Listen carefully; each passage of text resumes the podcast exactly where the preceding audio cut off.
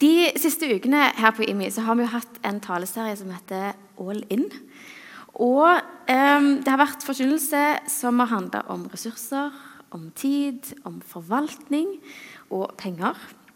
Og jeg syns det har vært en utrolig spennende serie å følge. Og jeg syns det har vært en litt, ganske kanskje, eh, utfordrende serie å følge. Eh, og Samtidig så kjenner jeg at det er en, en stor glede for meg å få, få tilhøre en menighet som, som hjelper meg til å tenke om hvordan kristenlivet mitt eller troen min skal leves ut, og sånn helt konkret. Den taleserien var jo spesifikt knytta til penger og ressurser. Og jeg synes at Elling sa det så fint i forrige uke at det, ja, vi snakker om penger og ressurser, og sånne ting, men egentlig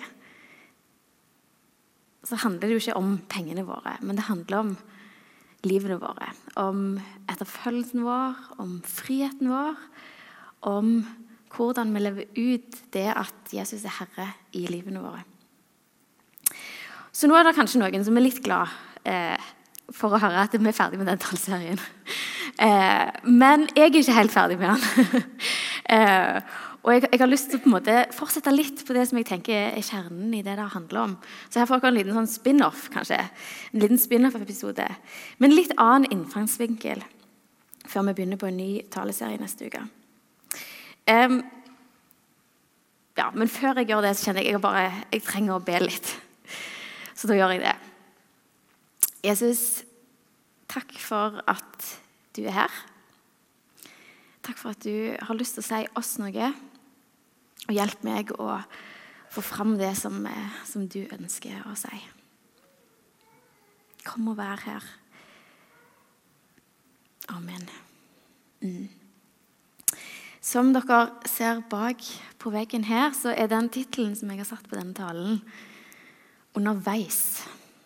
Og Det som jeg har lyst til å snakke om, det er hvordan vi tenker om, eller hva vi egentlig forstår når vi sier at vi er en disippel eller en etterfølger av Jesus. Og som tittelen jo kanskje gir et lite hint om, så tenker jeg at et av de aspektene som vi trenger å ha med oss i bånd for at vi skal ha det godt med oss sjøl og med andre, og at vi skal ha et, et sunt disippelliv, det er dette perspektivet når det gjelder å være underveis. Læring, øving og vandring. Og det er det jeg skal snakke om i dag. Og Underveis har jeg også lyst til å dele litt av min historie eh, når det gjelder akkurat dette. I vår tradisjon, som vi hører til i, så har vi sånn historisk sett etter Luther vært veldig opptatt med rette av å understreke at troen på Jesus det er det som er grunnlaget for livet vårt med Gud. Det er grunnlaget for, ja, for at vi i det hele tatt kan være i en relasjon med Gud. Og det er ingenting utover det som Jesus har gjort på korset, som vi kan bygge på i den relasjonen. Vi er fullstendig og helt avhengig av Guds nåde. Punktum. Jesus har gjort alt for at vi kan ha et forhold til Gud og det er ingenting vi kan legge til eller trekke fra det som han har gjort.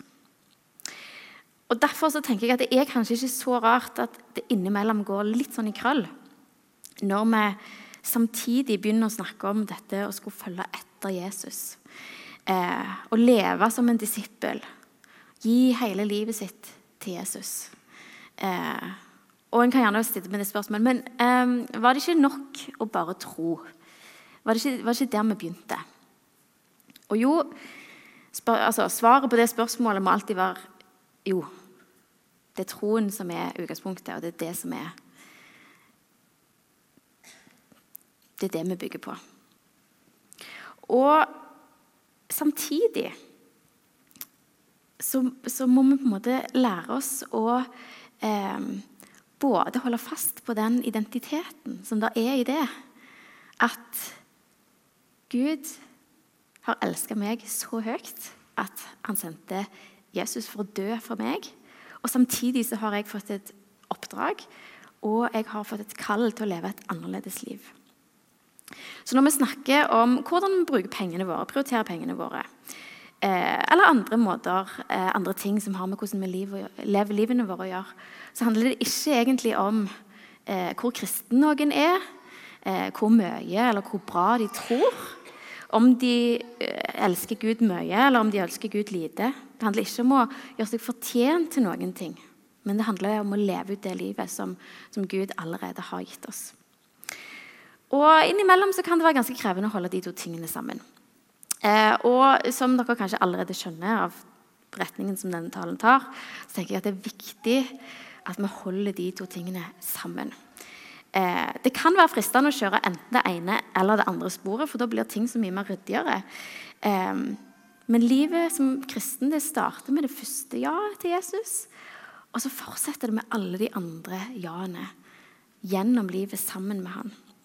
Og det å si ja til Jesus, det er å si ja til å bli en lærling. For ordet disippel det er egentlig bare et fancy og etter hvert litt sånn kristenreligiøst ord for å være en lærling. Og Da lurer jeg på, Er det noen her som har yrkesfaglig utdannelse, som har, eh, har hatt læretid før de avla en, en fagprøve eller et eller annet sånt? Noen som er fagutdanna? Ja. Se her, vet du. Veldig bra. Da vil jeg bare si at da har dere et eh, stort fortrinn foran en god del av oss andre når det gjelder å forstå hva dette her egentlig handler om. For det er noen av oss, eh, meg sjøl inkludert, som kan ha litt sånn vanskelig å forstå hva det egentlig betyr å være læring. Kanskje spesielt eh, hvis en har kun gått på skole og så plutselig begynt å jobbe. Og Da er liksom tankegangen fort litt sånn at okay, hvis du bare får rett kunnskap inn her, sånn, så vil det automatisk føre til at du gjør de rette tingene liksom ut med armer og bein etterpå. Rett kunnskap inn, riktig resultat ut. Og så kan det være fort å bruke den logikken òg på måten vi tenker om disippellivet eh, og det å følge etter Jesus. Hvis jeg bare leser ei bok til om bønn, eller hvis jeg bare hører én tale til om å være raus, så skal du se at det løsner som bare det. Hvis jeg vet hva som er rett og hva som er godt, så vil jeg automatisk gjøre det. Men det er jo ikke sånn det funker i virkeligheten, egentlig i noen andre deler av livet. Og De som har hatt læretid eller hatt folk i lære, de vet at det er ikke helt sånn ting fungerer. Jeg kan jo lese all verdens litteratur om å danse salsa, f.eks. Men det betyr jo ikke at jeg kan danse salsa. Og det kan jeg love dere, jeg kan ikke det. Og i motsetning til den måten å tenke på, så handler det å være lærling kanskje ikke først og fremst om å få rett kunnskap inn her. Men det handler om å etterligne, om å prøve, om å feile. Om å oppøve seg de ferdighetene som den som en går i lære hos, har. Man går sammen med en mester, en som kan det. Og så er målet at en skal ta til seg de ferdighetene og lære å bli lik han eller hun. Og Forskjellen på disse to måtene å tenke og rundt det å være en disippel, eh, en etterfølger av Jesus, eh, det er noe som jeg har tatt noen ganske sånn heftige runder med de siste åra. Um, og for sånn ca. tre år siden, kanskje, så begynte jeg på en eh, prosess, eller hva du skal kalle det, som jeg nå i etterkant nok vil tenke at best egentlig kan kalles som en, en troskrise. Hvor jeg egentlig begynte å stille spørsmålstegn med alt jeg trodde på, og kanskje aller mest med min egen tro. Um, og det var noen tidspunkt eh, i den, de mest heftige periodene der hvor jeg, jeg oppriktig lurte på om jeg kom til å fortsette å, å tro på alt dette her greiene. Um, og det, det er en ganske skjellsettende opplevelse når det som du bygger livet ditt på, plutselig ikke oppleves så fast. Og det spørsmålet som plagte meg aller mest, det var nettopp dette. Hvis jeg virkelig tror at Jesus har dødd for meg, at han har tatt alt på seg, og at jeg har fått nytt liv, og at han har stått opp igjen, og at Gud elsker meg, og at jeg har fått Den hellige ånd, og liksom hele pakken Hvorfor ser ikke livet mitt annerledes ut da? Hvorfor tenker jeg ikke mer sånn som jeg tenker at jeg bør? Og hvorfor kjennetegnes ikke jeg enda mer av de tingene som jeg tenker at kristne folk kjennetegnes av, eller folk som tror på Jesus, kjennetegnes av? Eller for å si det på en annen måte Hvis jeg har fått all den rette informasjonen inn her, hvorfor kommer det ikke ut i andre enden med det automatiske rette resultatet? Og Det var en utrolig krevende periode som gikk over ja, mesteparten av et år, egentlig. Som var ganske sånn intenst. Um, og det var mange ting underveis. Uh, mange steg, mange hendelser. Som førte til at jeg etter hvert kom ut igjen på andre sida med mange nye perspektiver. Um, på troen min, på gudsforholdet mitt, uh, og kanskje aller mest på hva det vil si å være en etterfølger av Jesus. Å være en lærling. Og Det var mange sånne små ting som var viktige. Men det kom et viktig vendepunkt eh, i en samtale med ei veldig klok dame, hvor jeg fortalte om det som jeg tenkte på og gikk og bar på. Og Jeg husker ikke hva hun sa, eller hva jeg sa, men jeg husker bare det øyeblikket. Når det liksom Akkurat som mynten falt ned. liksom. Og så gikk det opp for meg. Men det er jo ikke så rart at jeg ikke får til dette her. Å gjøre dette eller tenke på den måten, og at det ikke går av seg sjøl. For jeg har ikke lært det før. Jeg har ikke lært det. Og For meg så ble det en sånn utrolig frigjørende og, oppmuntrende oppdagelse at kanskje det ikke var noe feil med meg eller troen min eller måten jeg levde ut troen min på. Og at det å være disippel, det er å være en, det er å være en lærling. Det er å være underveis. Det er å være under opplæring. Og å være lærling er per definisjon å være den som ikke får det til, eller som ikke kan på aller første forsøk. Men det er den som får være sammen med han som kan, og lære av han. Eh, og Det har blitt som et par sånne nye briller som jeg eh, tok på meg da, som jeg har måttet øvd meg på eh, å bruke på livet mitt eh, og på det som jeg holder på med, eh, og i veien videre. Og som jeg nå har lyst til å dele ut kopier av til alle dere. Jeg vet ikke om dere har tenkt over det, men det er faktisk ingen i verden som er gode på noen ting som helst som de aldri har lært. Jeg skal si det en gang til, for dette, dette er så dypt. Mm. Det er ingen i verden som er gode på noen ting som helst som de ikke har lært. Så enkelt og så vanskelig. Når vi er babyer, så oppdager vi på et eller annet tidspunkt at oi, jeg har en hånd. Den er min. Og så fra å oppdage det, plutselig så har du informasjon på plass, så må du faktisk lære å bruke den. Eh, lære å gripe ting, lære å stappe ting i munnen. Lære å ta den i bruk. Og når du har lært det, så må du etter hvert begynne å lære å spise med gaffel. Det kommer heller ikke av seg sjøl. Når du begynner på skolen, så må du lære bokstaver. Du har jo vært omgitt av bokstaver stort sett hele tida eh, ellers, men du må lære det likevel. Når du blir enda litt eldre, så må du lære å kjøre bil. Selv om du har kjørt time etter time og sittet på med andre. Og Det er ikke til å stikke under en stol at vi har forskjellige områder hvor vi har litt lett for det og kanskje litt vanskelig for det. Men læring er like fullt en forutsetning for å bli god på alle ting i livet. Så da er jo det spørsmålet som jeg stiller meg sjøl, og som jeg stiller til oss, hvorfor er det så lett å tenke annerledes om det i livet med Jesus? Og de gode nyhetene syns jeg da, det er jo at det virker ikke egentlig som at Jesus gjør det. Um, Jesus han brukte tre år sammen med disiplene sine eh, for å gi dem opplæring før han eh, døde på korset, sto opp igjen og eh, dro til himmelen. Og etter det sendte Den hellige ånd. Og I mellomtida der, etter at han har stått opp og før han reiser til himmelen, så bruker han tid med disiplene. Og det er jo sånn, Den siste muligheten til å gi noe input før han ikke lenger er legemlig til stede sammen med dem. Og disse ordene de får litt sånn forskjellig tittel avhengig av hva fokus de som snakker om de har. Noen kaller det for misjonsbefalingen eller dåpsbefalingen, men i dag tenker jeg vi skal kalle det for opplæringsbefalingen. Og Vi skal lese fra Matteus 28, og vers 18-20. Det er det Jesus som sier til disiplene sine.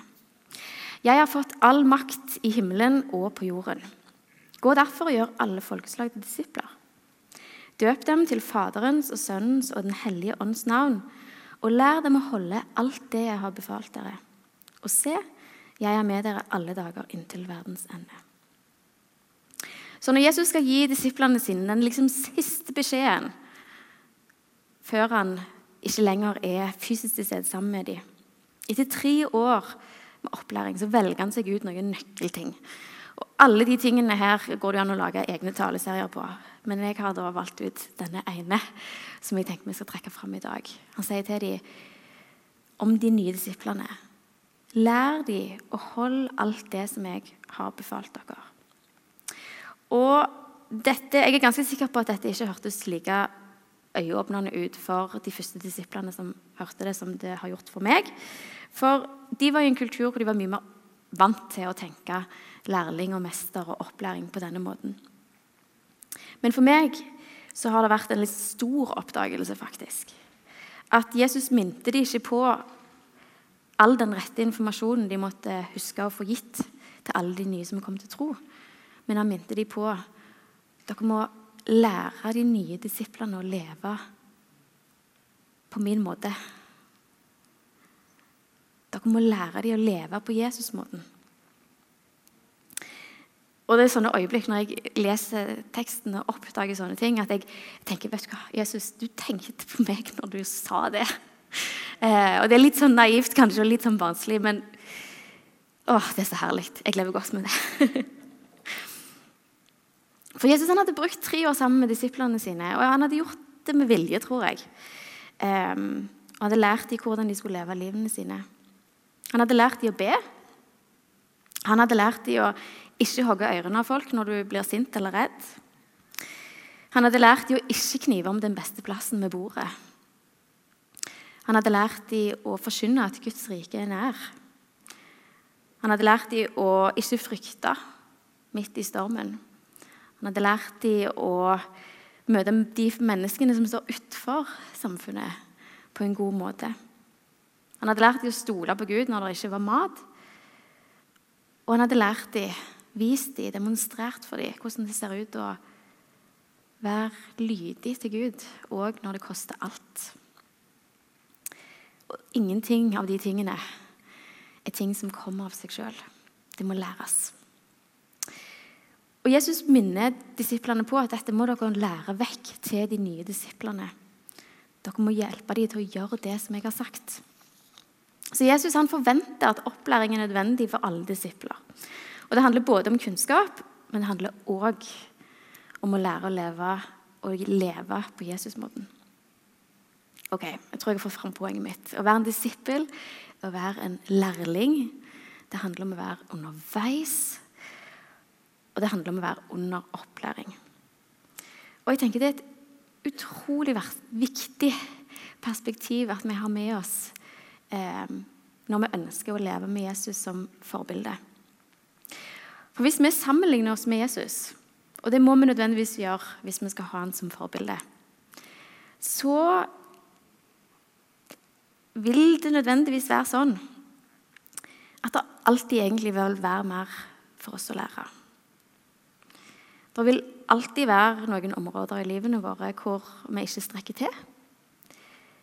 Det vil alltid være områder i livet mitt hvor jeg kan bli mer lik Jesus.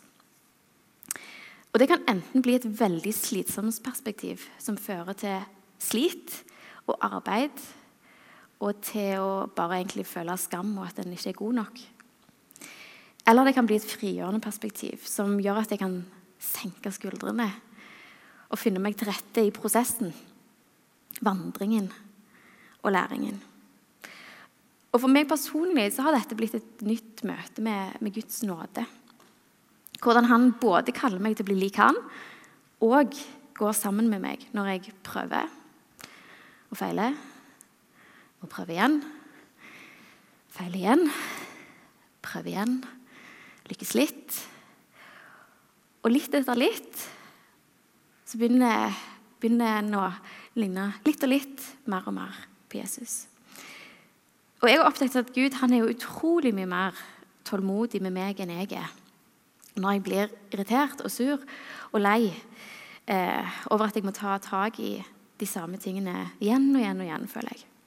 Han blir ikke sint, han blir ikke sur, og han gir ikke opp.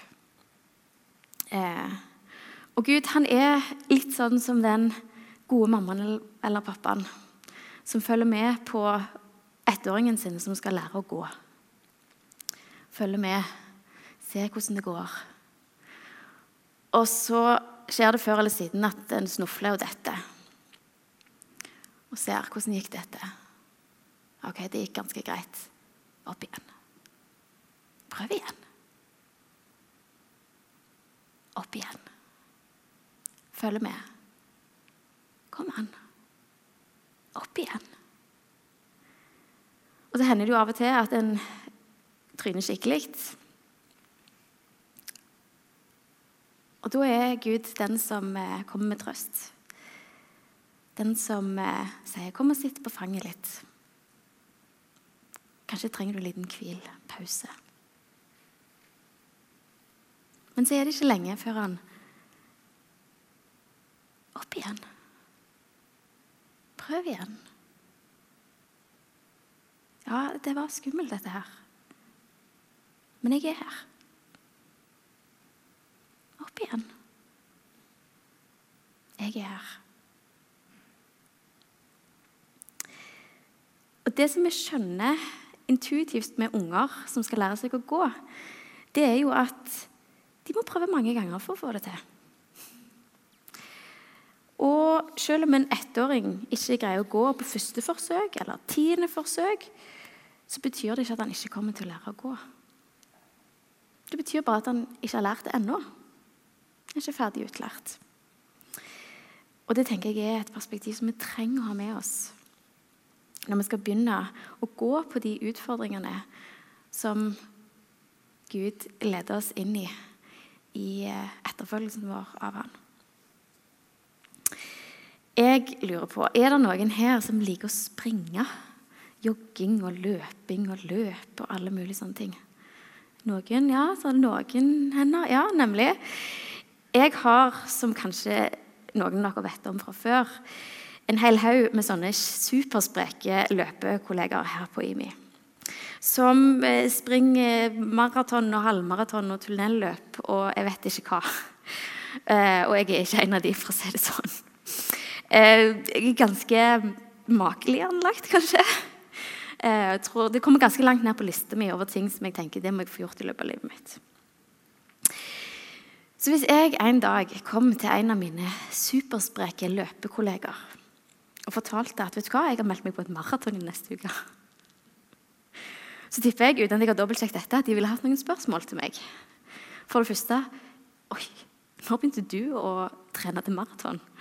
Og kanskje eh, du vet hva et maraton er? Og så hadde kanskje jeg da sagt at nei, vet du hva, jeg, jeg, jeg bare fikk det veldig for meg. Jeg fikk kjempelyst i forrige uke, så jeg meldte meg på. Og da håper jeg at det er en av disse flotte kollegene mine som hadde sagt litt sånn Andrea, jeg tror at vi må ha en prat. Og som hadde satt seg ned med frøken Lunde og hatt en litt sånn alvorsprat for å realitetsorientere bitte litt for, for, hva dette her eh, går i. Og kanskje hjulpet meg til å melde meg på et løp om ganske lenge. Vi skjønner jo alle at det ikke er å anbefale å legge ut på en maraton 42 km uten trening eller forberedelser. Det er ganske uklokt og kanskje til og med litt skadelig. Og Jeg spurte noen som, som har peiling, som sa at en trenger et års tid kanskje, på å trene seg opp til det. hvis en ikke er trent i utgangspunktet. Eh, og Derfor syns jeg det er ganske rart eh, at i hvert fall jeg har lagt ut på noen sånne billedlige maratonløp i disippellivet mitt. Enten det gjelder bibellesing, eller penger, eller takknemlighet, eller godhet, eller bønn for syke, eller hva det måtte være. Uten opptrening. Og kanskje enda rarere er det at jeg blir så sykt overraska hver gang.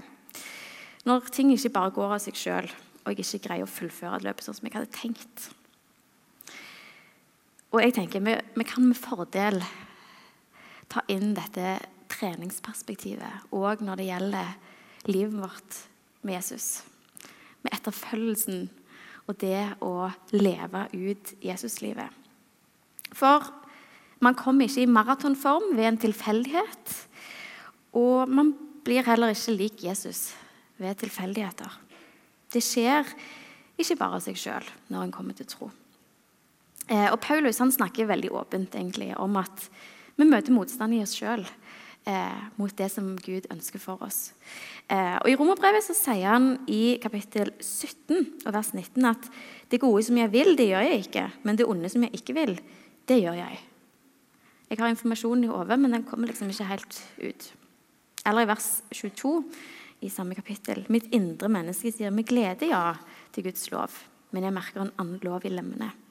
Den kjemper mot loven i mitt sinn og tar meg til fange under syndens lov, som er i lemmene.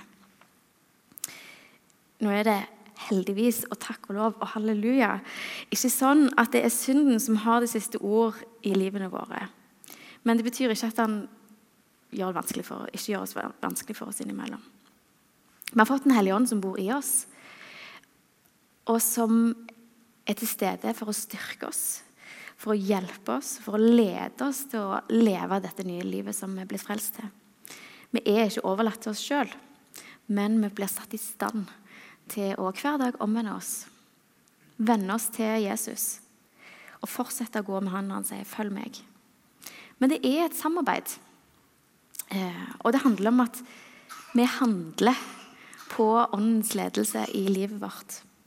Og hvor han nådefullt gir sin frukt i livene våre. Det handler om å være i bevegelse. Det handler om retning, om å være underveis. Og det handler om at vi øver oss hver dag og trener på å bli mer lik Jesus. Og Dette høres kanskje litt sånn lite åndelig ut for noen. Men fordi at vi har Den hellige ånd i oss, så kan vi faktisk bestemme oss for å øve oss på å gjøre ting som gjør at vi blir mer lik Jesus. Øvelse gjør mester. I første Timoteus' brev så skriver Paulus til Timoteus. Og I kapittel 4 og vers 7 så sier han dette. skriver han dette. Øv deg heller i Guds frykt. For kroppslig øving er nyttig til noe, men Guds frykt er nyttig til alt. Til den er det knyttet et løfte, både for dette livet og for det som kommer. Øv deg i Guds frykt. Smak bitte litt på den setningen. På gresk så bruker Paulus her ordet 'gymnatso' om det å trene og øve. Og Vi kjenner det fra det norske ordet 'gymnastikk'. Det er det samme ordet. Og Han sammenligner kroppslig gymnastikk med gudsfryktsgymnastikk. Eller åndelig gymnastikk, om du vil. Trening som fører til gudsfrykt. Og så sier han at det er løfter knytta til det, både for dette livet og for det livet som kommer. Noe av det som kjennetegner kroppslig gymnastikk, hvis du kan kalle det det, er at for å se resultater så må du legge ned en innsats. Og du må være litt utholdende og konsekvent med treninga. Og det er ikke alltid at du ser resultater med en gang. Som regel så gjør man ikke det. Men over tid så vil musklene bli litt og litt sterkere. Kondisen blir litt og litt bedre. Og etter hvert så vil du være i stand til å gjøre ting som du ikke fikk til før du begynte å trene. Og Det spørsmålet som jeg har lyst til å stille til oss i dag, det er jo nettopp det Hvordan øver du på å bli mer lik Jesus? Kanskje handler det som har vært innom i den taleserien som har vært, om hvordan en prioriterer ressurser, penger, tid. Kanskje handler det om å velge å snakke godt om den kollegaen som du bare syns er sykt irriterende. Kanskje handler det om å gjøre et nytt forsøk på å sørge for at du får de 15 minuttene alene, bare deg og Jesus hver dag. Ikke fordi at de umiddelbare resultatene blir mind-blowing. Eh, ikke fordi Gud blir mer glad i deg eller mer fornøyd med deg, men fordi at du ønsker å trene på å bli mer lik Jesus. Og fordi at det, Den hellige ånd har lagt ned, ned i deg en lengsel etter å bli mer lik han. Så her vil jeg bare slå et raskt lite slag for de gode vanene. Å etablere gode vaner som hjelper oss å holde stø kurs, det tror jeg er så viktig når følelsene svinger, når troen både kan være stor eller liten det som gjør at en, en holder stø kurs. Selv når en kanskje ikke alltid føler for det. Og Vaner det tar tid å innarbeide. Men når du først har fått dem, så er de nesten umulig å bli kvitt. Det er ikke for, en, en, eh, det er ikke for ingenting at vi har et ord som uvane eh, i vokabularet vårt. Og Når vi først har fått vaner på plass, så sparer de oss for ganske masse energi og for mange avgjørelser i hverdagen vår fordi at vanen på en måte har tatt avgjørelsen for oss på forhånd. Det er jo bare sånn jeg gjør det. Og så tenker du kanskje at ja, men jeg, ikke, jeg, er ikke så opptatt av vaner. jeg har ikke så mye vaner. Men altså, prøv å spise taco med noen som fyller lefsa annerledes enn deg. Så skal du se at det dukker opp vaner både her og der. Plutselig er det noen ting som bare Å, sånn, ja. Mm. Du har en vane for noe som du bare gjør uten å tenke deg om. Og Poenget er ikke at alle skal ha like vaner, eller at alle skal gjøre de samme tinga, eller at alle skal bli like heller, for den saks skyld. Poenget er det at det vi gjør ofte og uten å tenke oss om, det former oss.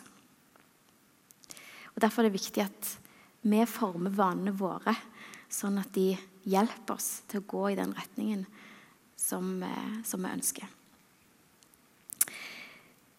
Så til slutt nå um, så har jeg egentlig bare lyst til at vi skal bruke noen minutter på å være stille. Um, på å spørre Gud. Snakke litt med Han. Stille spørsmålet hva, hva vil du si meg nå, Gud? Hva, hva er det neste steget for meg nå?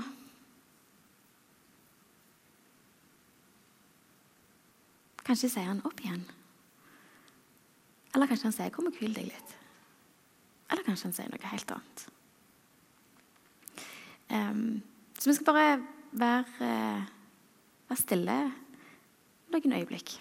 Og så etter hvert så kommer lovsangstimen på og uh, begynner å uh, lede oss i lovsang. Men la oss bare